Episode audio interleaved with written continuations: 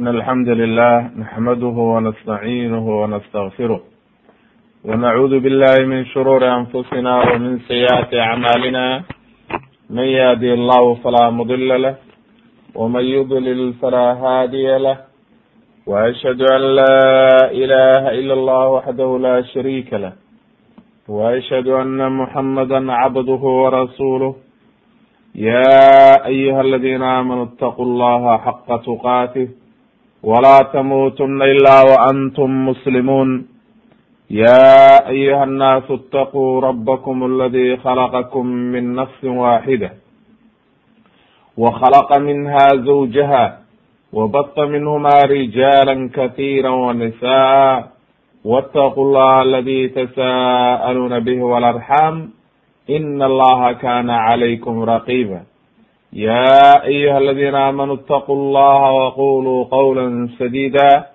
يصلح لكم أعمالكم ويغفر لكم ذنوبكم ومن يطع الله ورسوله فقد فاز فوزا عظيما أما بعد فإن أصدق الحديث كلام الله وخير الهدي هدي محمد صلى الله عليه وسلم وشر الأمور محدثاتها وكل محدثة بدعة wkula bidcatin dalaala wakula dalaalatin fi nnar in sha allahu tabaaraka watacaala haddii rabi idmo dersigani waxa uu ka mid yahay duruustii silsilati ashraad asaaca khaasatan calaamaat lkubraa calaamadihii waaweynaa calaamadii labaad weeye kuwa waaweyn waa nagi soo sharaxnay alimaanu bikhuruuji dajaal dajaal in la rumeeyo inuu soo baxayo.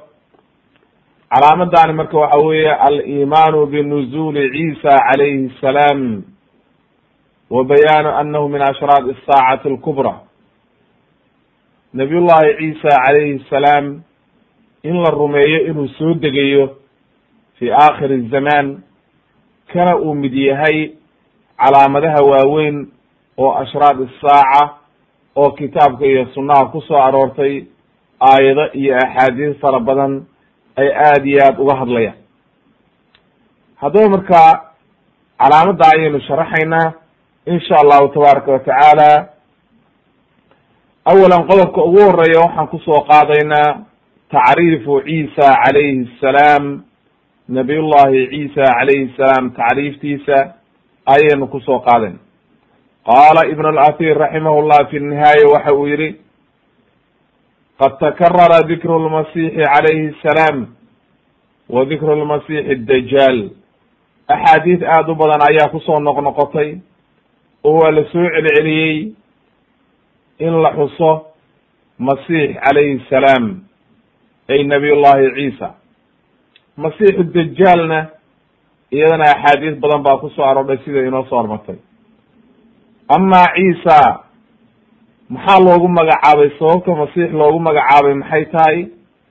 Waxaynu nihi markaynu dajaal soo maraynay waxaa dajaal masiix loogu magacaabay leannahu il ayuu la-aa oo la-yahay ama waxa weye dhulkao dhan bu afartan beri ku marayaa?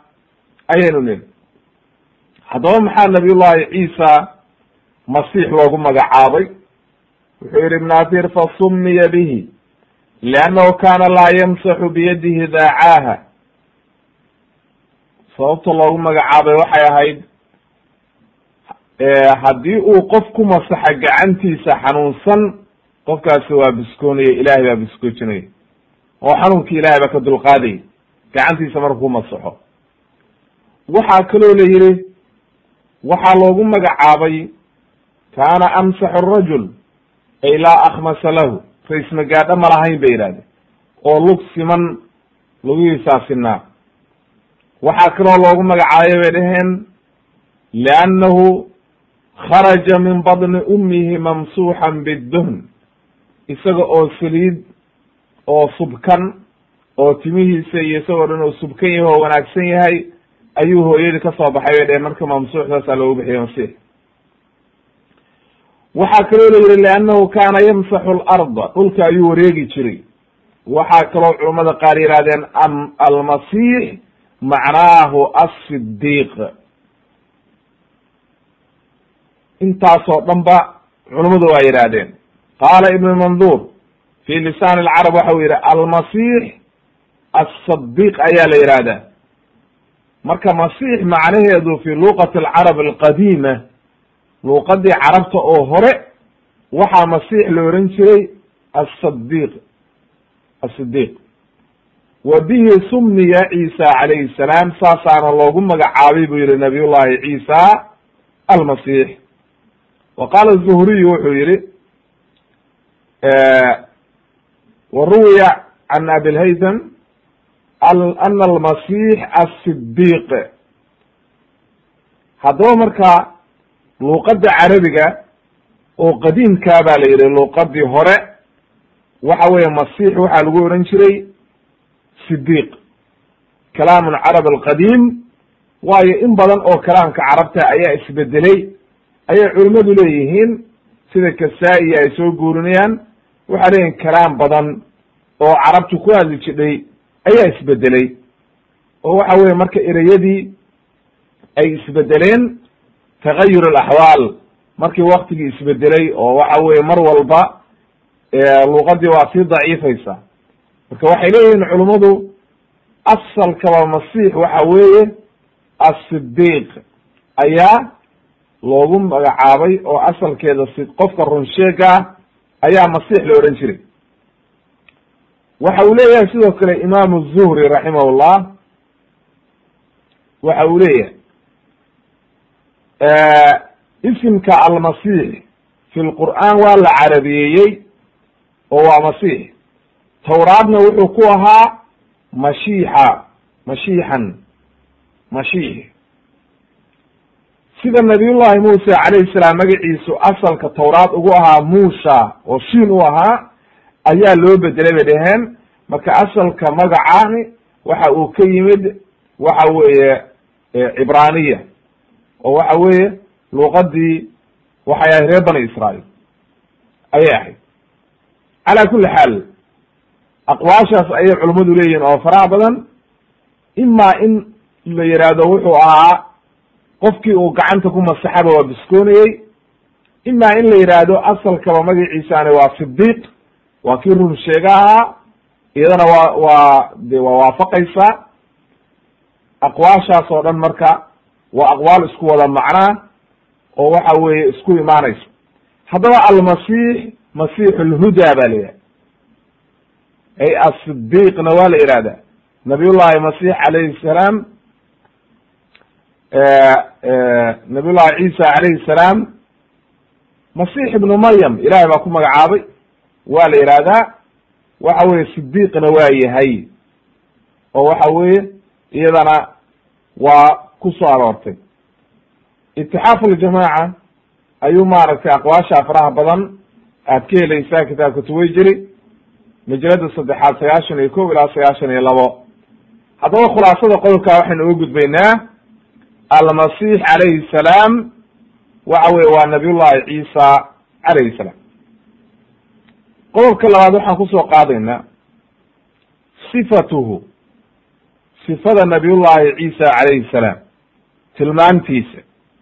Tilmaamaha uu leeyahay iyo habka nusuustu ku tilmaantay nabiyullahi ciisa calayhi salaam oo lagu garanayo ayaynu ku soo qaadaynaa qodobkaas waayo wax walba waxay leeyihiin tilmaamo lagu garto. Sifooyinkiisa ku soo arooray aad bay u badan yihiin.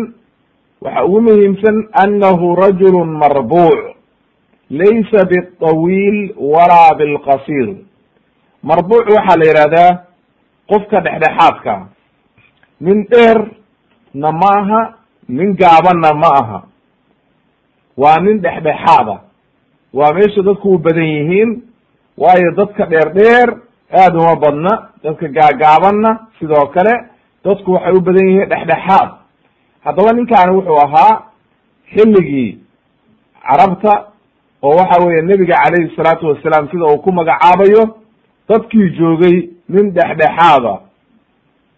Waa sidii nebiga lagu tilmaamay oo kale calayhi salaatu wasalaam inuu ahaa ribcat lqowm ama waxa weeye marbuuc waa isku mid inuu dhexdhexaad ahaa. Ay laysa bitawiil nin dheer ma ahayn walaa bilqasiir. Waxaa riwaayadaha ku soo aroortay annahu kaana axmar waxaana soo aroortay adum macnaha nin asmarana inuu ahaa axmarka waxaa la yidhahdaa markii caddaanka iyo gaduudku isku jiraan. Asmarna waa soo aroortay inuu mid mida furan oo sida carabta u badnaayeen uu ahaa oo maarina waxaa kaloo soo aroortay jacdun cariidu sadri nin adag. Jacdiga waxaa loo isticmaalaa jucuudada sida uu ibnu xajar iyo ay leeyihiin timaha. Laakiin halkan waxaa laga wadaa lafihiisa iyo jirkiisa nin adag wey cariidu sadri xabadkiisuna ballaaran yahay carabtuna ammaan bay ahayd. Qofka haddii la yidhaahdo cariidu sadri nin xabad weyn oo waxa weeye dee aad iyo aad u wanaagsan. Aan khafiif ahayn caataa oo naf lahayn nin xoog la sabdu shacri nin tima jiricsan marka waxaynu unihi jacdiga halkan waxaa laga wadaa xoogga lafihiisa sida ibnu xajar u macneeyey waayo lafdigaana wuxuu leeyahay khaas ku ah timihii marka nin tima jilicsan ayuu ahaa. Kaanamaa kharaja min dimas ayuu yihi nabiga calayhi salaatu wasalaam ay alxamaam waxaad moodaa nin hadda ka soo baxay qubays oo soo qubaystay oo biyihii iyo timihii qoyan yihiin oo hadda qubays ka soo baxay. Waxaa soo aroortay lahu limmatun inuu limo leeyahay. Wallimmatu shacaru ra'si timaha weeye. Markii la sii daayo oo carabtu dhaqan waxay lahaayeen timaha lama jari jirin oo waa la dheeraysayo raggu timaha waa la bixi jireen. Hadda waa isbedeshay adduunkii oo hadda ragga timaha lama baxaan. Laakiin berigii hore timaha waa lala bixi jiray. Raggu way la bixi jireen dumarka iyaga waaba dhaqankooda waa caadadooda meel walba inay timaha la baxaan. Laakiin ragguna timo dheer buu lahaan jiray. Marka lima waxaa la yidhahdaa shacru ra'si ida jaawaza shaxmat aludun udunayn. Haddii timuhu ay soo gaaraan dhegaha foodooda oo ay soo dhaafaan waxaa la yidhahdaa lima wa idaa zaada dalika haddii laakiin ay ka bataan oo garbaha soo gaaraan waxaa la yidhahdaa jamma oo waxa weye markaa waxay noqonaysaa jumma. Waxa weye waa nooc kale. Marka labadaa nooc bay raggu isticmaali jireen. Inuu ninku timihiisii intuu la baxo oo kala rogo ay halkaa dhegaha a gaaraan. Oo waxa weye dhegaha meeshan furuuc aludun shaxmat aludun halkaan meesha dahabka dha dumarku surtaan oo laalaada inay halkaas soo gaaraan oo timihii timo dheer yihiin. Marka waxaa soo aroortay inay timihiisu tamla'u maa bayna minkabayhi maa bayna minkabayhi inay labada garab buuxinayaan. Oo maaragta timo dheer oo labada garab buuxinaya inay yihiin sida axaadiisu inoogu imaan doonto.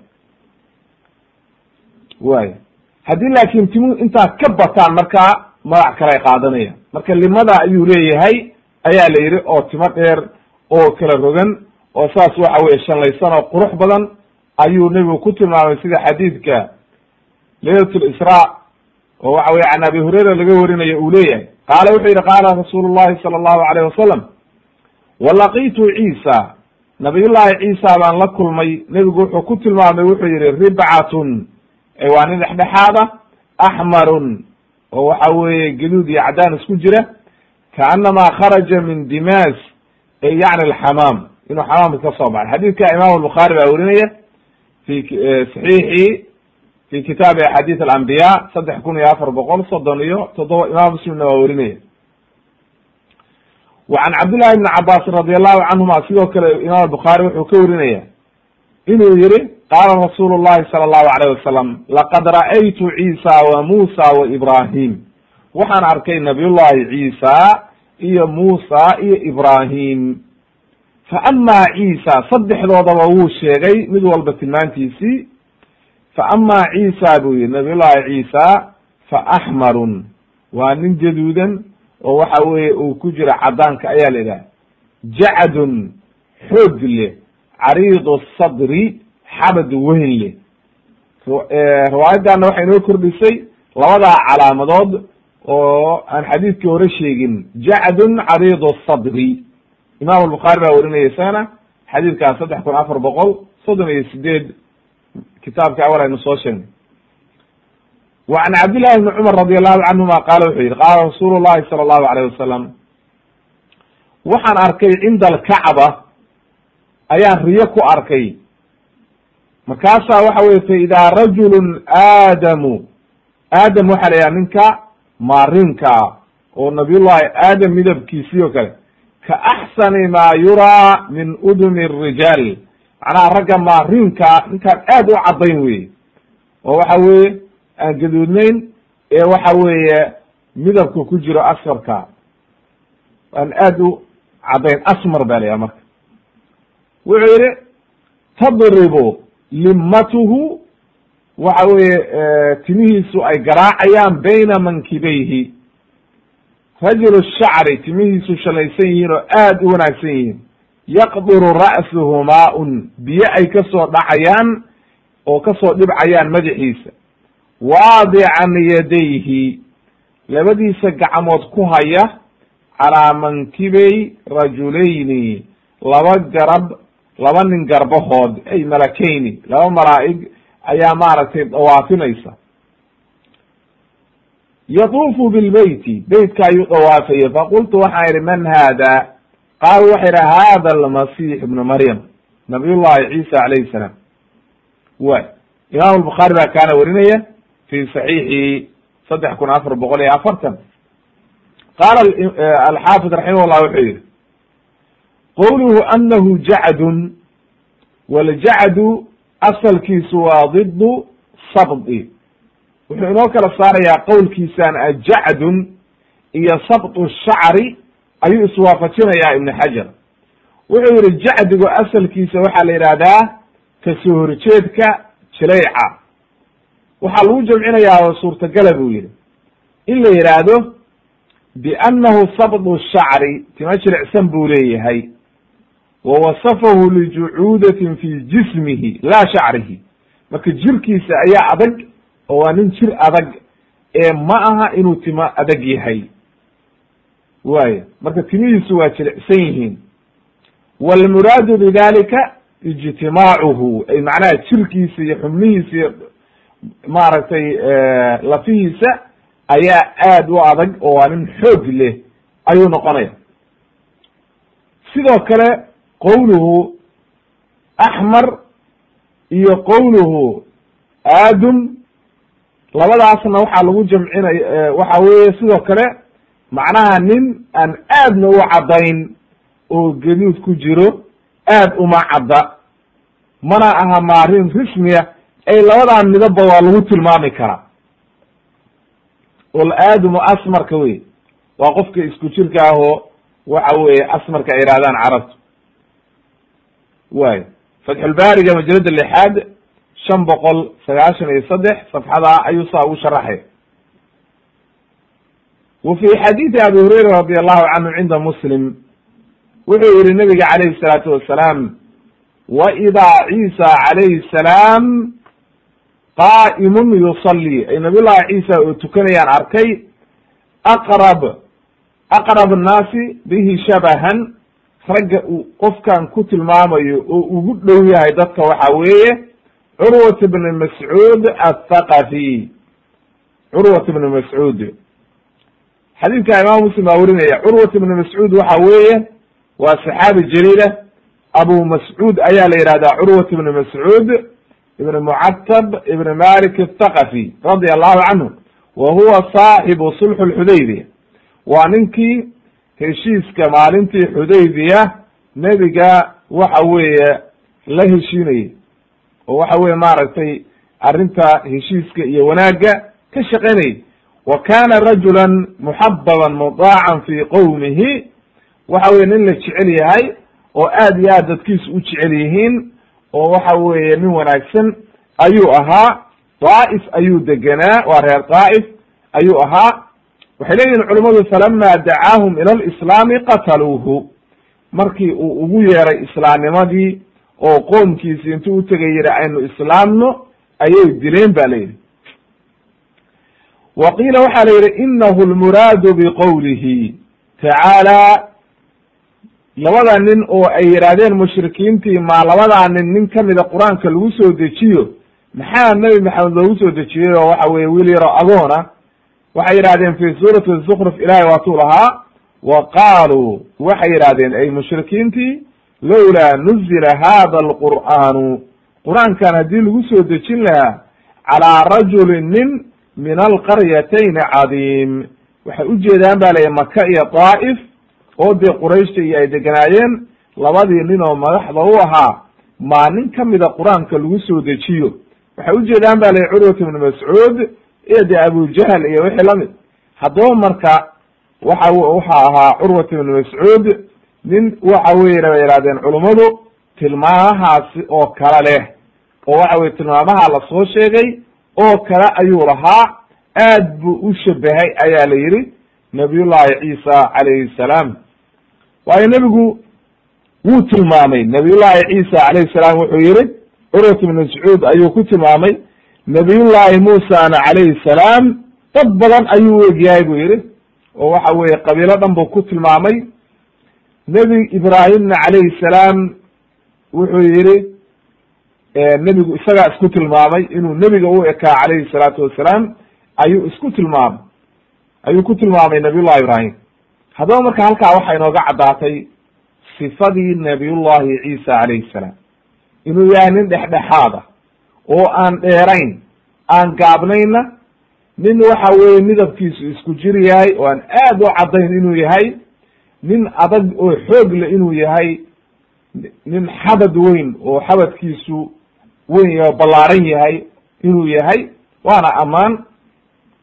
Nin tima jilicsan inuu yahay timihiisuna timo dheer uu leeyahay oo gaaraya halkaa dhegaha ah ama waxa weye garbahada gaaraya intaas ayaa sifadiisii ay waxa weeye inoogu tilmaamay nebiga calayhi salaatu wassalaam uuna u eg u ekaa waxa weye u eg yahay curwat bnu mascuud athaqafi radia allahu canhu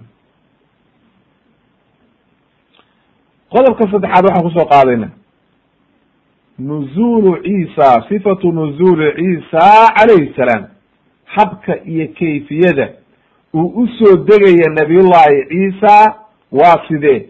Waayo samaduu jiraa? Samada haddii uu jiro marka. See buu u soo degaya oo habkeebuu ku imaanayaa bacda khuruuji dajaal wa ifsaadihi fi lardi yabcathu allahu ciisa calayhi salaam fayanzilu ila alardi wa yakunu nuzuluhu cinda almanaarati albaydaa sharqiya dimishqi asham waxay leeyihiin culummadu nabiyullahi ciisa alay markuu dajaal soo baxo oo dhulka fasahaadiyo waxaanu niri mahdigaa soo baxaya dagaalo badan baa dhacaya kabacdi markii waxa weye dagaaladaa badan ay dhacaan oo mahdigii uu ummadii islaamka hogaaminayo ayaa dajaal imaanaya dhulkuu fasahaadinaya markuu dhulka fasahaadiyo ayaa nabiyullahi ciisa ilaahay soo diraya oo samada ka soo dejinaya oo dhulka keenaya. Wuxuuna ku soo degayaa ba la yidhi calaamada calanka manaara almanaarat albaydaa waa calaamad ku taala meesha dimashq oo xagga qorax ka soo baxa ka xigta oo u dhow wey calaamadaha dheerdheer oo birta oo waxa weye la taago manaaradda ay yidhahdaan taas wey waxay yihi sida axaadiid ku sugnaaday laba maro oo masbuuqeyni la sabqiyey oo rinji la geeyey ayuu xiran yahay oo qurux badan. Calaa ajnixati lmalakeyni ayuu ku soo degaya waadican kafeyhi calaa ajnixati lmalakeyni laba meleg ayaa soo dejinaysaa la yidhi oo dee malaa'igta ilaah baa ufududeeyey inay samada iyo dhulkaba waxa weeye ay isaga duulaan. Haddaba laba meleg baa soo qaadaysa oo waxa weye garbahooda soo saaraysa markaasuu saa gacmaha ugu hayaa ilaa ay soo dejiyaan oo ay dhulka keenaan. Wallahu cala kuli shayin qadiir. Qaala ibn kathir raximah wuxuu yihi hada huwa alashhar fi mawdici nuzulihi anahu cala almanaarati albaydaa alsharqiya bidimishq. Wuxuu yihi sida mashhuurka oo culummada oo dhan ay waxa weeye qabaan axaadiis badanna ku soo aroortay oo mashhuurka cinda ahlisunna waljamaaca inuu ku soo degayo manaarada waxa weeye dimishqa agteeda. Oo meel dimishqa u dhow ayuu ku soo degayaa ayay waxa weeye kulli axaadiistu keenaysa. Maxaa marka axaadiista bal aynu qaar ka soo qaadano fa fi xadiidi nawas bni samcaan addawiil xadiis dheer wey oo waxa weeye nabiyla wuxuu sheegay dajaal uma nuzulu ciisa uma qaala sala allahu alayhi wasalam ida bacata allahu lmasixa bna maryam fayanzilu cinda almanaarati albayda sharqiy dimishq. Haddii ilahay markuu ilaahay soo diro nabiy llahi ciisa marka ilaahay soo dirayo wuxuu ku soo degayaa buu yihi nebigu manaarat alba cinda manaarati albayda meesha manaarada agteeda halka ayuu ku soo degaya oo xagga qorax ka soo baxa ka xigta dimishq magaalada suuriya caasimada suuriya wey dimishq. Bayna maharwadatayni ay laba maro. Maharwadateynka waxaa laga wadaa ay laabisan thawbayni laba maro isaga oo xiran. Waadican kafayhi calaa ajnixati malakayni garbi gacmihiisa ku haya waxa weeye garbaha malaa'igta laba malaa'ig ayaa wada. Laba meleg idaa da'da'a ra'sahu qadar haddii uu madaxiisa foorariyo wuu soo da'ayaa. Wa idaa rafacahu taxadara minhu jumaanun kallu'lu. Jumaanka asalkiisa waxaa la yidhahdaa sida uu maaragtay imaamu nawowi leeyahay wuxuu leeyahay markuu xadiidkan sharaxayo almanaarat albayda mawjuuda buu yihi alyom sharqi dimishq. Maanta xataa way jirtaa bu yihi imaamu nawowi manaaradaasi waa macruuf. Wa ama maharwadatani waxa weeye buu yihi ay laabisay laabisun maharwadatayni masbuqayni biwaras biwaras. Waxa weye waa noocan dharka lagu sabqiyo waxyaalaha dharka dharka lagu calaamadeeyo oo markii dharka ay rinjiga gelinayaan ay geliyaan wey wa qiila waxa la yihi waa laba maro oo kor iyo hoos uu ka xiranayo. Ama qowluhu buu yihi jamaanu lulu ka lulu. Jumaan waxaa la yidhahdaa buu yihi fidada waaweyn oo loo sameeyo waxa weye hab lulu oo kala ah oo waa fido waaweyn walmuraadu waxaa laga wadaa buu yihi u taawiliyey imaam nawowi waxaa laga wadaa buu yihi biyaha ka soo daaya laakin nebigu wuxuu leeyahay arrimahaasaa ka soo arrintaasaa ka soo da'aysa. Jumaanu jumaanu lulu ka lulu. Marka jumaanna asalkeedu waxa weye waa fido waa waxyaalahaas dee macdanta iyo jawharka oo waxa weye ilaah baa garanaya. Wuxuu yihi nabigu falaa yaxilu likafirin tanna waa tilmaan kale uu leeyahay qof gaala ma jiro. Yajidu riixa nafasi ilaa maat qof walba oo gaala oo waxa weeye neeftiisa carabta ka soo ka soo carfaysa qof walba oo waxa weye ay gaarto waxa weye qofkaasi waa dhimanaya. Waxayna gaaraysaa baa layihi neeftiisu meesha uu wax ka arko. Waaya fayadlubuhu ay dajaal dajaal buu dalbayaa oo raadinayaa xataa yudrikuhu bibaabi ludd si u cararayo oo u cayrsanayo ayuu wuxuu ku gaarayaa meesha la yaha baabu ludd waa waxa weye meel u dhow oo dhulkan falastiin ah oo baytulmaqdis u dhow wey fayaqtuluhu wuu dilaya uma yaati ciisa bna maryam nabiy ciisa baa wuxuu u imaanayaa qowmun qad casamahum allah dad ilaahay uu ka badbaadiyey masiix ayaa nabi masiix dajaal dad uuna fidnaynin oo ilaahay uu ka dhowray oo waxa weye diintoodii haysto u imaanaya.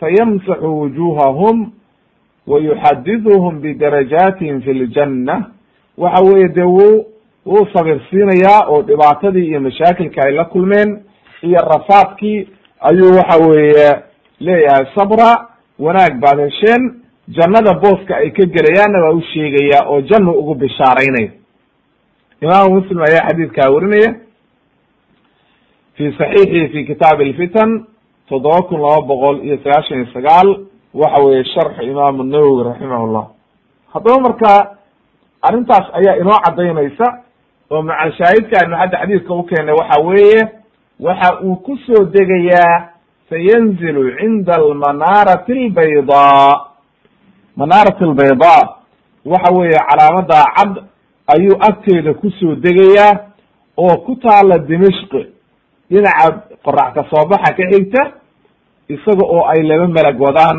ayuu halkaa imaanayaa. Sidaa daraaddeed marka way caddahay nabiyullahi ciisa calayhi salaam inuu halkaa ku soo degayo laa shaka fi dalika waayo sababtu waxa weeye axaadiis badan baa caddaynaysa imaamu nawowi iyo imaamu maaragtay ibn kathir iyo kulligoodna culummadu way sugayaan oo waka imaamu nawowi waxa uu leeyahay hadihi almanaara mawjudatun alyawm. Wayba joogtaa oo way taallaa oo manaarad caam oo la yaqaan oo halkaa ku taalla magaalada suuriya caasimada oo ah dimashq ayay ku taallaa agteeda. Way imaam ibn kathirna waxtuu ina lahaa sida mashhuurka culummada agteeda arrintaani waxa weye halkaasu ku soo degaya nabiyullahi ciisa calayh salaam. Qodobka afraad waxaan u soo gudbaynaa adilatu nuzuli ciisa calayhi salaam. Bal axaadiista ayaynu qeyb ka soo qaadanaynaa iyo aayadaha qur'aanka oo caddaynaya inuu bal nabiyullahi ciisa calayhi salaam soo degayo iyo habku u soo degayo. Waayo dadka qaar baa inkiray oo soo degidiisaba aan ogolayn oo inkiray. Waana inoo imaan doontaa aqwaasha culummada iyo habka ay ku radiyeen dadka inkiray. Culummada aqwaashooda ayaan soo naqlin doonaa hadi rabin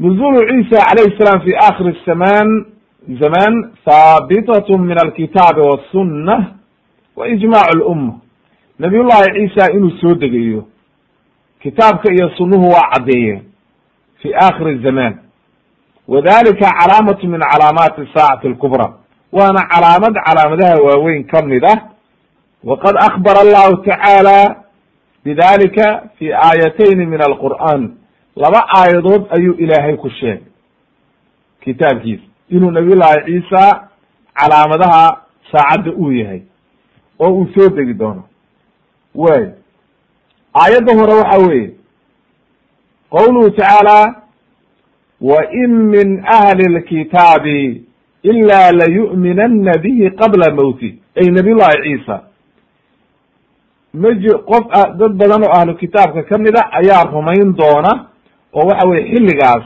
dad badan baa rumayn doona ay qabla mowti ciisa calayhi salaam ayay culimadu yihaahdeen cala alqowl asaxiix ikhtaarahu ibnu jarir wabnu kathir raximahum llah nabiy ibnu jarir iyo waxa weye ibnu kathir iyo keyrkoodba waxay yihahdeen waxa weye waxaa laga wadaa qabla mowtihi ay mowtu qabla mowti ciisa calayhi salaam. Wa huwa qowl abi hurayra. Abi hurayre qowlkiisi weye iyo riwaayad saciid ibnu jubayr walcawfi can ibni cabaas buu ka warinaya wa bihi qaala malik abu malik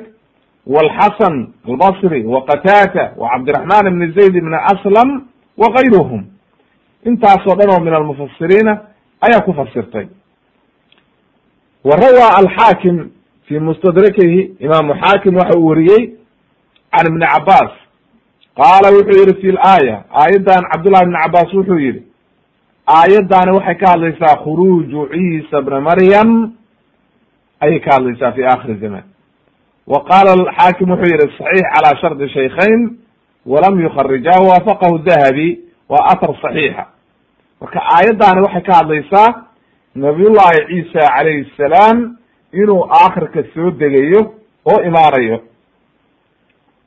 wa rawaa abu bakr alajuriy fi fi kitaabi shariica waxa uu ku weri can cabdullahi ibni cabaas ka warinaya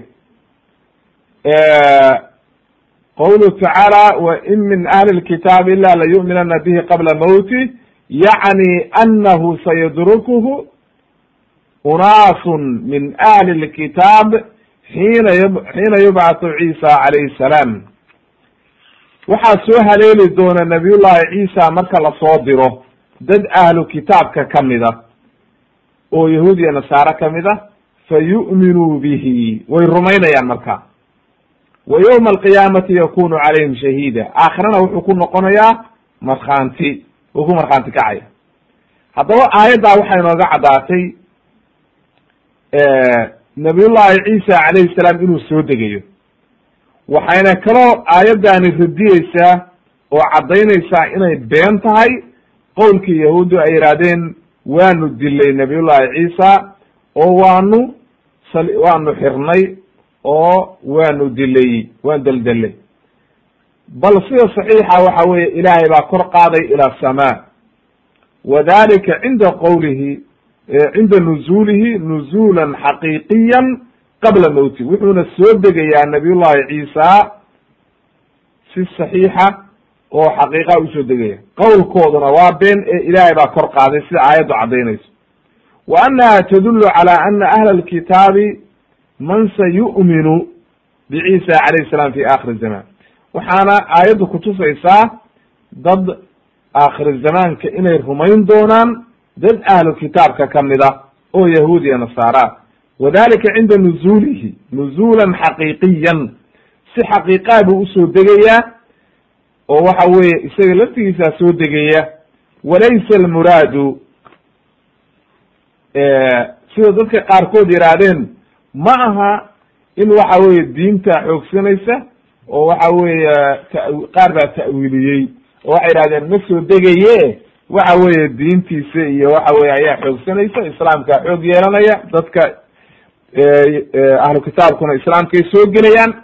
Waxaasoo dhan waa ta'wiil wey loomana baana nusuusta in la ta'wiiliyo ee dhaahirka sida waadixa in nusuusta loo qaato ayay keenaysaa waxa weye manhajka saxiixa. Haddii laakin kulli nusuus walba la ta'wiiliyo waxaa ku dhacaysa markaa wax walba in la inkiro ayaynu ku dhacaynaa. Sidaa daraaddeed ma haboono qaala ibn katir raximahullah wuxuu yihi walaa shaka shaki kuma jiro. Ay cinda ahli alxaqi dadka ahla xaqa oo ahlusunna waljamaaca agtooda shaki kagama jiro. Laakin waxa weeye firaqu daalla oo waxa weye caqlaaniyada iyo wixii lamida sida inoo imaan doonta iyaga waxa weye shaki baa kaga jira. Wuxuu yihi marka ibn katir walaa shaka ana hada aladi qaala ibnu jarir huwa asaxiix waayo ibnu jarir wuxuu yihi nabiy llahi ciisa waa soo degaya liannahu lmaqsuudu can siyaaq alaaya. Aayadda wuxuu ku fasiray ibnu jarir aayaddaani inay tahay nuzuulu ciisa. Ibnu katirna waa ku raacay oo wuxuu yihi sidaasaa saxiixa waayo aayaddu waxay ku soo degtay fi taqriiri budlaani madacathu lyahuud. Wixii yahuuddu ay sheegteen oo yidhahdeen waan dilay ayay aayaddu beeninaysa. Oo nasaaradiina ay isaga raaceen oo yidhaahdeen ka rumaysteen. Fa akbara allahu ilahay waxa uu sheegay annahu lam yakun ilamru kadalik arrintu saas inaysan ahayn wa inamaa shubbiha lahum waa loo tashbiihiyey oo qof kalaa loogu ekeysiiyey arrintan marka iyadoo tafsiila qasas alambiyaa ayaan waxa weeye ku caddaynay oo ibnu kathir aad iyo aad ugu waadixinayo. Marka qasas alambiyaa ayay ku jirtaa iyadoo tafsiila sida ay waxa weeye loogu shabahay qofka kale iyo say rabeen inay u dilaan iyo sayna u dilin iyo sidii loo kor qaaday. Kulli halkaas iyadoo tafsiila oo waxa weeye balbalaaran ayay maaragtay ka helayaa qofkii raba insha allahu tabaraka watacala faqutuluu waxay dileen ashabiha lahum. Kii loo shabahay oo waxa loogu ekeysiiyey ayay dileen laakin ma ayna dilin nabiyullahi ciisa.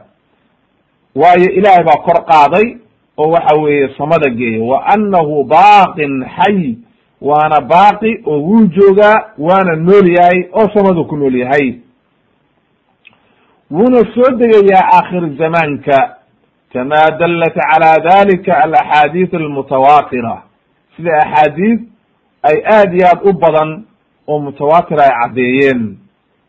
Waxaad ka helisaa kalaamka marka ibn kathir uu ku soo aroorinaya fi tafsir ibn kathir mujalada labaad afar boqol iyo shan iyo toban safxada wuxuu inoo waadixinayaa marka ibn kathir iyo ibnu jarir iyo keyrkoodba sida saxiixa inay tahay nabiyullahi ciisa calayhi salaam inuu soo degayo aakhir zamaanka ayay waadix inooga dhigayaa waxa weeye culummadu wa ama alaayatu athaniya aayaddii hore haddaynu ka soo gudubna aayadda labaad waxa weeye qawluhu tacaala wa inahu lacilmun lissaaca falaa tamtarunna biha wattabicuuni hada siraatu mustaqim ilaahay waxa uu yihi wa inahu ay nabiyullahi ciisa nuzulu ciisa calayhi salaam qabla ywmi alqiyaama calaamatun calaa qurbi saaca ayay aayaddu macnaheedu noqonaysa ay macnaha nuzulu ciisa inuu soo degayo nuzu nabiyullahi ciisa qabla qiyaami saaca waa calaamad kutusinaysa inuu qiyaamihii soo dhowaaday ee ha ka shakiyin falaa tashukana fi ihbaatiha shakiyuu kaa gelin fa inaha aafiyatu way imaanaysa. Way. Wa rawa alimaamu axmed bisanadihi ila ibni cabaas cabdullahi ibni cabaas wuxuu ka warinayaa imaamu axmed inuu yihi aayaddan inuu yihi huwa khuruuju ciisa calayhi salaam qabla ywmi alqiyaama. Waa nabiyullahi ciisa soo degidiisa inta una qiyaamuhu dhicin. Waana min calaamaat calaama min calaamaati asaaca wa qaala mujaahid wuxuu yihi ay aayatun lisaaca khuruuju ciisa calayhi salaam.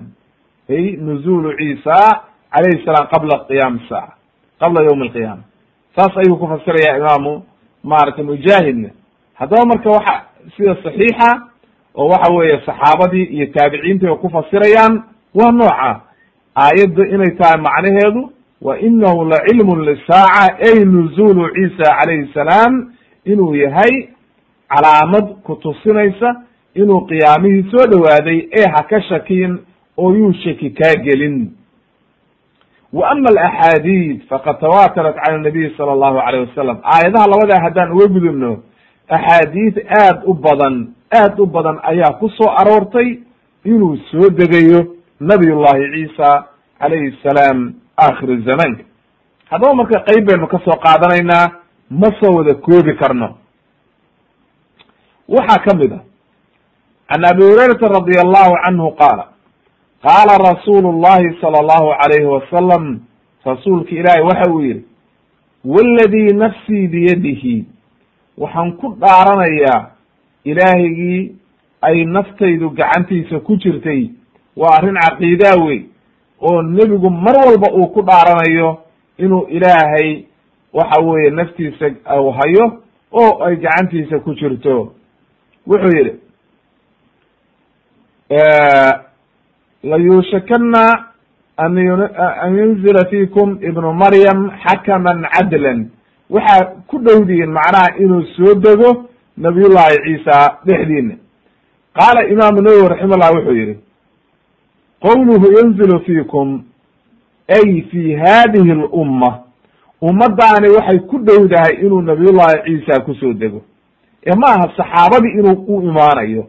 Ee macnuhu waxa weye ummadan islaamka oo ummadan nebi maxamed loo soo diray ayuu ku soo degaya oo u imaanaya fi hadihi lumma wain kana khitaaban libacdiha miman laa yudriku nuzulahu. Waayo saxaabadu ma soo gaarin oo ma soo gaarayaan waxa weeye soo degidiisa.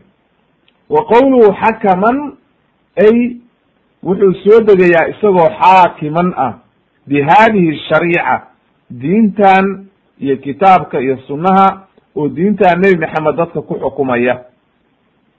Ma aha macnaheedu inuu soo degayo isagoo nebiya oo risaalo wata? Maya.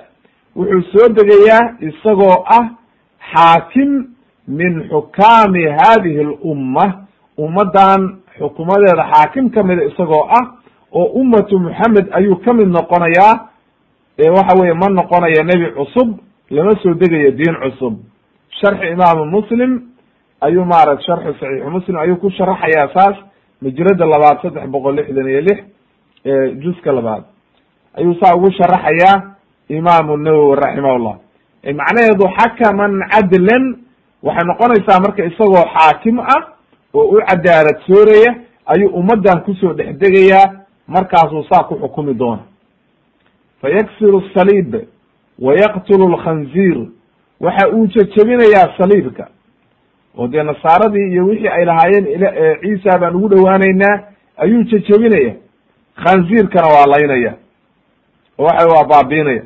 Imaamu nawowi raximahullah wuxuu yihi daliil waxay u tahay xadiidkani daliil wuxuu yahay calى tagyiiri almunkaraat walaalaat albatil waayo waxyaalaha baatilka. In la taqyiiriyo qofkii awood u leh oo gacantiisa uu ku dooriyo ayay xadiidkani daliil u yahay. Waayo nabiyullahi ciisa markuu soo dego wixii baatilka ahaa oo ay sheeganayeen oo saliibkii iyo wixii ayuu baabiinaya oo jejebinaya way wuxuu kaloo yihi imaamu nawowi daliil waxay u tahay xataa in khanziirka la dili karo oo waxa weeye leanna waa rijis wuxuu leeyahay sidoo kale xaafid ibn xajar waxaa laga faa'idayaa xadiidkan taxriimu iqtinaa'i alkhinziir in khanziirka waxa weeye la dhaqdo oo laga faa'iidaysto inay xaaraam tahay liannahu xaaraamna weeye in la cuno in la dhaqdana waa xaaraam leannahu waa najis oo waxa weeye waa shay aad iyo aad u xun way haddaba labadii waxyaalood oo nasaaradu ay lahaayeen waa noo diin labadiiba wuu baabiinaya. Oo waxa weeye saliibkiina waa jejebinaya khansiirkiina waa ka laynaya wa yadacu ljizya jizyadiina wuu dhigayaa. Wuxuu yihi imaamu nawowi sida sawaabtaa waxa weye macnaheedu laa yaqbalaha ma aqbalayo. Wa yadacu ljizya awal waa tii jizyada nebigu ka aqbalay qofkii ahlu kitaaba oo diintiisa iska haysanaya oo waxa weye aan dagaal gelaynin inuu waxa weye jizye bixiyo oo aan la khasbin markaa. Laakiin maalinta uu yimaado nabiyullahi ciisa calayhi salaam wuxuu leeyahay imaa inaan idinla dagaalamo imaa islaamnimo inaad islaamtaan. Way oo kama aqbalayo jizyadii oo waxa weye islaamnimo waxaan ahayn ma aqbalayo. Sidoo kale waxa weye marka ayay daliil u tahay arrintaasina caddaynaysa. In jizyadii uu baabiinayo. Wuxuu yihi nebigu wayafiidu lmaalu xataa laa yaqbalahu axad. Waxa weye maalkiibaa badanaya ilaa qof aqbalaba la waayo oo cid rabtaba maalkii la waayo. Qaala alimaam nawowi raximahullah wuxuu yihi wayafiidu lmaal macnaahu yakthuru. Maalkii baa badanaya waa la barakaynaya khayraadkii baa badanaya bisabab alcadli wa cadamu atadaalum waxa weye cadligii sababtiisa ayaa keenaysa markuu cadaalad sameeyo oo aan qofna la dulmiyin. oo qof walba wuxuu xaq ulahaa uu helo markaa qof qof u baahan ma jiro. dhulkana waxa weeye wanaaggii iyo khayrkii ayaa ku soo noqonaya barakadii ayaa soo noqonaysa. waxaa kaloo imaanaysa sida xadiid kale oo caddeeyey raqabaadkii dadkuna waa yaraanayaan oo dadkii xoolihii maba rabaan. Liqasri alaamaal wa cilmuhum biqurbi saaca saacaddiiba inayba soo dhowdahay bay og yihiin. Marka sidaa daraaddeed xoolihii maba rabaan dadku. Oo aad uma danaynayaan oo waxa weye isku mashquulin mayaan. Waayo nabiyullahi ciisa calayhi salaam hadduu soo dego aynuna ognahay inuu yahay calaama min calaamaati asaaca haddi qofkii marka wuxuu is leeyahay maxay adduunye ka aruursanaysaa qiyaamihii baaba soo dhowe oo waxa weye isaga mashquulinaysa wuxuu yihi marka nebigu xataa takuna asajdatu alwaaxida khayra min addunya wama fiiha. Ilaa ay ka noqoto buu yihi hal sajdo ay macnaha ama hal ragca markaa dhe ama laba ragcadood dhe salaada waa lagu magacaabaa ama hal maroo qofku uu sujuudo inay ka khayr badato adduunyada iyo waxa yaalba qaala imaamu nawowi raximahullah wuxuu yihi macnuhu waxa weeye wallahu aclam ana annaasa takthuru raqbatahum fi salaa salaadii ayay dadku jeclaanayaan wasaa'ir daacaat daacooyinkii ayay jeclaanayaan liqisari aamaalihim wa cilmihim biqurbi saaca waxa weye dadkii maadaama ay dadkii ogaadeen inuuba qiyaamihii soo dhow yahay oo qiyaamihii imaanayo ayay markaa dadkii waxay jeclaysanayaan cibaadadii oo adduunyadii iyo fitankii intay ka markuu dhibo ay isaga tagaan ayay xagga cibaadada ayay u badanayaan waayo sababtu waxay og yihiin inuuba qiyaamihii soo dhow yahay.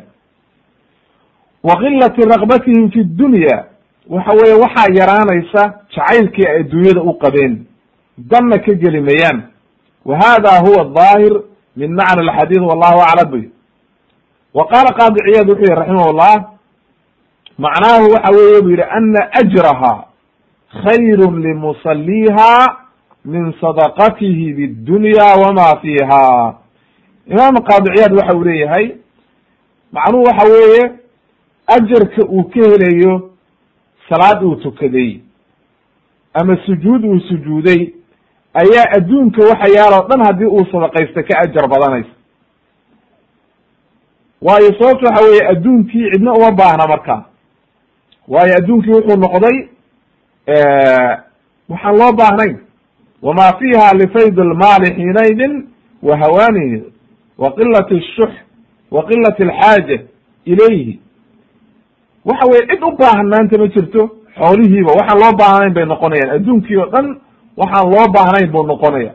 Haddaba marka salaadii uu qofku tukado wuxuu leeyahay wasajdatu hiya assajdata bicayniha aw takunu cibaaratan can salaa waa dhici kartaa in salaadoo dhan laga wado in hal sujuud laga wadana waa dhici karta. Marka qowlka imaam qaadi ciyaad ayaad moodaa inuu sawaabta u dhow yahay. Oranaya macnaha ajarka laga helayo ragcaddaa la tukaday ama sujuuddaas ama waxa weye salaadaa uu qofku tukaday ayaa adduunka waxa yaaloo dhan ka ajar badan. Marka adduunka waxa yaaloo dhan haddii lagu yihahdo sadaqayso oo gacantaada uu ku jiro iyo ila cidaad markaa siinaysa ma jirto cid kaa aqbalaysana ma jirto waxaa kaaga khayr badan marka adiga oo inta laba ragcadood iska tukaday waxa weeye ilaahay beryey ayaad ajar aad u fara badan ayaad ka helaysaa wa ilaa maalkii haddii uu batay. De yaad siinaysaayoo ajar kaga helaysaa maalkii cid u baahan oo markaa ajar aad kaga helaysid ma jiro. Waayo maalku waxa uu wanaagsan yahay oo ajar badan laga helaa markii dadkiina u baahan yihiin adigiyo u baahanna aad bixinaysid. Oo waxa weye aad naftaadii ka hormarinaysid oo bixinaysid laakiin adigiiba haddaadan u baahnayn dadkiina u baahnayn wax u baahanna ay yaa kaa aqbalaya oo waxa weeye tiradiiba uu ka batay dee markaa wax qaymaa uu leeyahay ma jirto. Marka amaa salaadii hadda iyadu salaadii mar walba ajarkeedii waa taagan yahay oo waxa weye waa cibaado aad ilaahay ugu dhowaanaysa xadiidkana imaam albukhaari iyo muslim ayaa werinaya oo waa xadiis saxiixa. Way wuxuu inoo caddeeyey marka xadiidkaasi nabiyullahi ciisa inuu soo degayo oo ay saxiix tahay inuu noqonayo xaakim kamida waxa weeye ummadda islaamka. Waayo mahdiga ayaa markaa jooga sida inoo imaan doonta oo waxa weeye imaam ah markaas ayuu ku daba tukan doonaa weliba mahdiga. Wuxuu inoo caddeeyey xadiidkaasi oo kale inuu cadaalad samayn doono oo meel walba cadaaladdu buuxin doonto inuu waxa weeye jejebin doono saliibka iyo khansiirkaba dili doono jizyada uunan aqbali doonin inuu waxa weeye maalku badanayo in waxa weye cibaadada ay dadku jeclaanayaan oo markaa waxa weye cibaadadii loo leexanayo.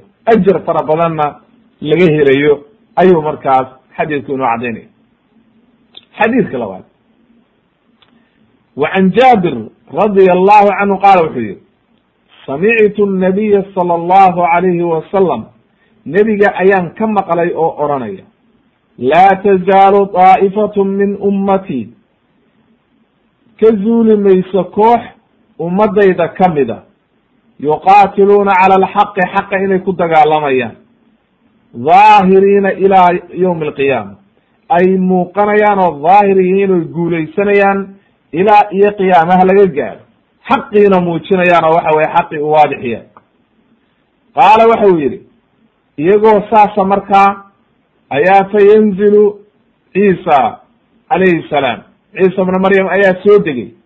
Fa yaqulu wuxuu odhanayaa amiiruhum ay almahdiy amiirkii markaa mu'miniinta joogay ayaa wuxuu odhanayaa salli bina kaalina tuji oo waxa weye salaada tuji. Waayo riwaayadaha waxaa soo aroortay inuu soo degayo cinda salaati subxi iyadoo salaad subax la aqrimay oo waxa weeye imaamkii mahdigii uu dadkii safayo loona diyaar garoobayo in dagaal lagu qaado oo ay aadaan dajaal. Ayuu markaa soo degaya oo waxa weeye cinda manaarat albayda halkaa mahdiga oo dadkii ku diyaarinaya oo doonaya inuu dagaal u baxaan. Salaad subaxna la aqimay oo ciidankii safaya ayuu soo degaya. Markuu soo dego ayaa amiirkii garanaya. Markaasuu leeyahay kaalena tuji oo dadka tuji markaa oo hogaami ummadda fa yaqulu wuxuu leeyahy la may. Adinka ayaa istujinaya. Ina bacdukum calaa bacdin umara. Qaarkiinba qaarka kale ayuu umara u yahay oo ilaahay baa arrintaa idinku karaameeyey ummaddan ee ina tuji. Wuu tujinayaa markaa. Waxaa salaadii tujinaya mahdiga nabiyullahi ciisana calayhi salaam wuu ku daba tukanaya waataynu soo marnay waxa weye mahdiga markaynu ka hadlaynay nebigu inuu yihi mina aladi yusallii ciisa bna maryam khalfahu. Waxaa naga mida ay aalo beytka ka mid a ka nabiyullahi ciisa calayhi salaam uu ku daba tukan doono. Xadiidkana marka imaamu muslim baa werinaya fi kitaab aliman ayuu ku werinayaa saddex boqol sagaashan iyo saddex oo ah sharxu muslim. Wuxuu inoo caddeeyey marka xadiidkanina mahdiga iyo nabiyullahi ciisa inaysa soo gaarayaan oo nabiyullahi ciisa uu soo degayo wuxuu kaloo inoo caddeeyey ilaa iyo waktigaa laga gaaro inay waxa weeye diinta islaamku baaqi noqonayso oo waxa weye ay jirayso oo waxa weye markaa mar walba ay koox jiraan ummadda islaamka ka mid a oo xaqa u taagan oo waxa weeye diintii faafinaysa waxay leeyihiin culummadu marka imaamu axmed iyo keyrkoodba waa ahlu xadiidka nimanka la ihahdo waa nimanka xadiidka dadka baraya oo xadiidkii dadka ugu yeeraya oo sunaha kitaabka iyo sunaha ugu yeeraya calaa fahmi salaf asaalix ridwan ullahi calayhim ugu yeeraya waa dadka noocaasa oo ahlu sunna waljamaca la yihahdo ayaa la yihahdaa daa'ifadaas. Adaa'ifatu almansuura daa'ifadaas ayaa la yihahda ilahay hanaga mid dhow xadiidka saddexaad waxa uu leeyahay can abi hurayrata radi allahu canhu ana nabiya sala allahu alayhi wasalam nebigu waxa uu yihi nebigu wuxuu yihi calayhi salaatu wassalaam alambiyaau ikhwatun licallaat ambiyadu waa walaalo. Nebiyadii oo dhan waxa weeye waa walaalo licallaat qaala imaamu nawowi raximah llah wuxuu yihi macnaahu waxa weeye oo loo jeedaa wa fi riwaayatin alambiyaau awlaadun licallaat meeshuu ikhwa ka yihi ayuu wuxuu yihi awlaad qaala alxaafid wuxuu yihi raximah llah walcallaat addaraa'ir wey wa asluhu man tazawaja imra'atan uma tazawaja ukraa kaanahu calla minha walcallu waxa weeye wi ashurbu bacda shurbi macnaha waxaa laga wadaa nin dhowr dumara leh nin dhowr dumara leh oo baha badan leh oo awlaad badan ay u dhaleen oo kalaa laga wadaa wuxuu yihi marka wa awlaad lcawaad callaat waxa weeye ikhwatun min alabi wa ummahaatuhum shataa xadiidkaaba caddaynaya oo oranaya maaragtay ummahaatuhum shataa wa diinuhum waaxid marka awlaadu callaat waxaa la yihahdaa ninkii dhowr bahood leh. Masalan afar bahood buu leeyahay mid walba carruur bay dhashay carruurtii waa walaalo xagga aabbaha xagga hooyooyinkana waa ku kala duwan yihiin. Marka callaadka taasaa la yihahdaa marka wa qowluhu ummahaatuhum shataa ay macnaha waxaa kala duwan hooyooyinkoodi iyo sinjigoodii baa kala duwan oo waxa weeye dee ummado badan bay ka soo kala baxeen oo dad meel kooda yimid ma aha laakin diintooda ayaa waaxida. Diintooda ayaa waaxida. Sida bahaha badan aabbuhu u kulmiyey oo waxa weeye wiilashii kala bahda ahaa ay walaalo ugu noqdeen aabbaha daraaddi oo aabbihii u kulmiyey ayay nebiyada oo dhanna waxay walaalo ku noqdeen diinta oo diintooda ayaa hal mida ah. Macna alxadiid waxa weeye ana asla diinuhum waaxid wa huwa atawxiid diintooda asalku waa tawxiidka waa kelimatu laa ilaha ila allah laga soo bilaabo nabiyullahi nuux calayhi salaam lagana soo gaaro nebi moxamed calayhi salaatu wassalaam kulligood waxay dadka ugu yeerayeen laa ilaha ila allah icbud llaha ma lakum min ilahin gayru an icbud llaha ma lakum min ilahin gayru nebi walba waxa uu leeyahay markaad akridi taarikhdiisa ya qowmi icbud llaha ma lakum min ilahin gayru ilaahay caabuda dadkaygiiow melihidin ilaah kale eh. Ilaah kaleo xaq lagu caabuda ma jire ilaahay caabuda.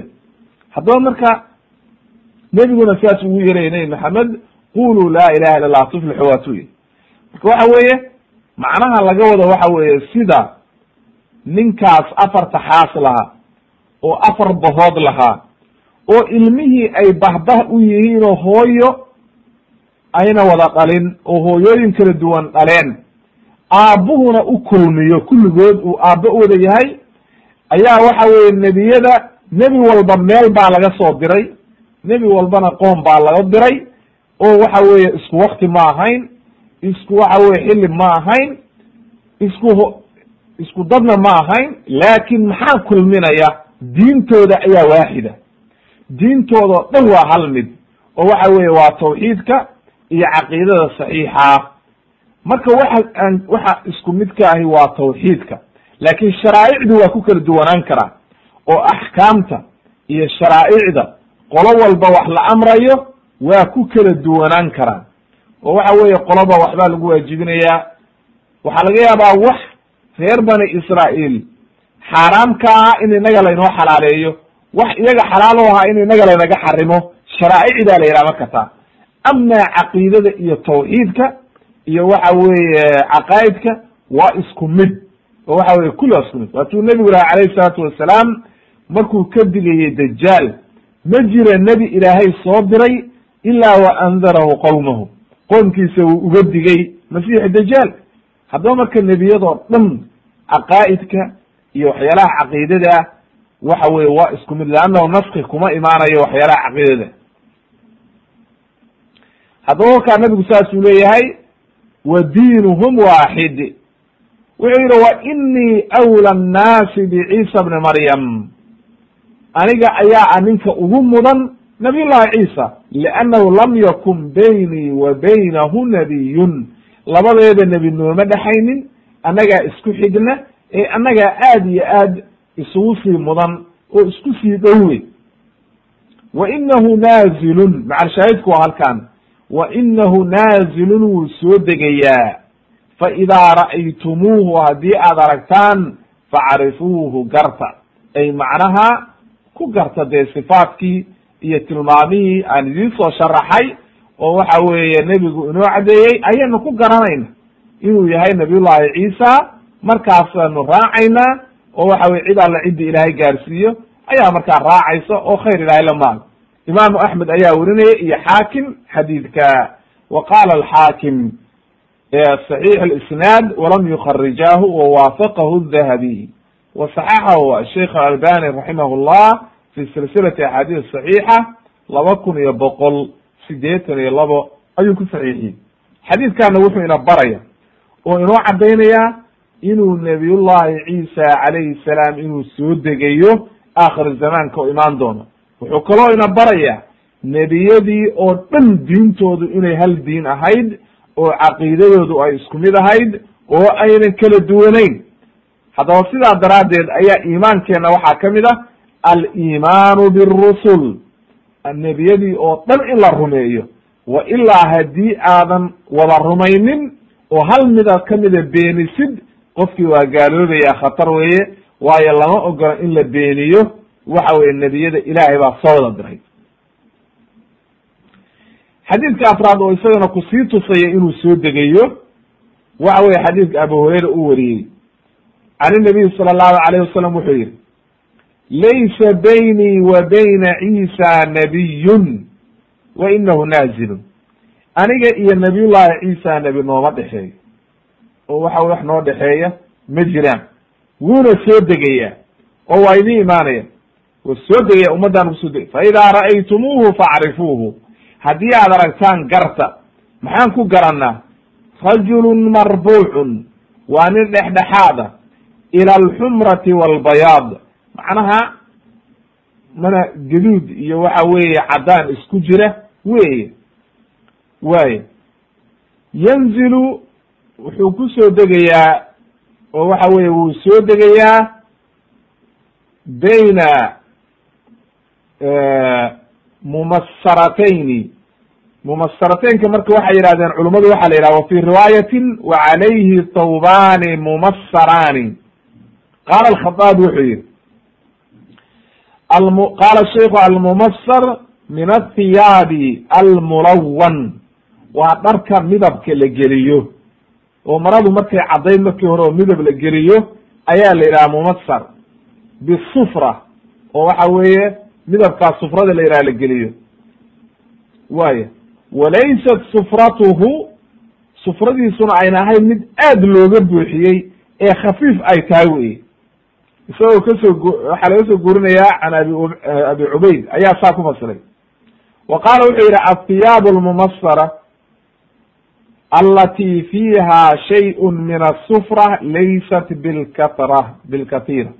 Macnaha jaallo badana kuma jiro ee laakin waa khafiif inta la isbaaqiyo waa marada hal mar markii rinjiga la geliyo iyadoon durba si fiican rinjiga u wada gelin oo uga dhergin ayaa laga saaraya. Taasaa la yidhahdaa marka almumasar saas ayaa maaragtay la yidhahdaa saasuu ku fasirayaa maaragtay culummadu way waxaana ka heleysaa asaxiix almusnad min alaxaadiith alfitan oo waxaa jira kitaab axaadiidta oo ashraadu saaca uu kaga hadlay imaamu axmed musnadkiisa oo gaar loo saaray oo waxa weeye gaar looga dhigay ayaa jira. Marka kitaabkaas ayaad ka heleysaa oo waxa weeye uu ku sharaxaya waxa weye maaragtay muxaqiqa way wuxuu yihi nebigu kaana ra'suhu yaqdur wa in lam yusibhu balal waxa weye madaxiisa waxaa ka soo da'aya biyo ayaa ka soo dhacaya haddaan qoyaanba taabanba. Waa wanaag ilahay siiyey. Fa yuqatilu nnaas cala alislaam. Dadka ayuu wuxuu kula dagaalamaya islaama.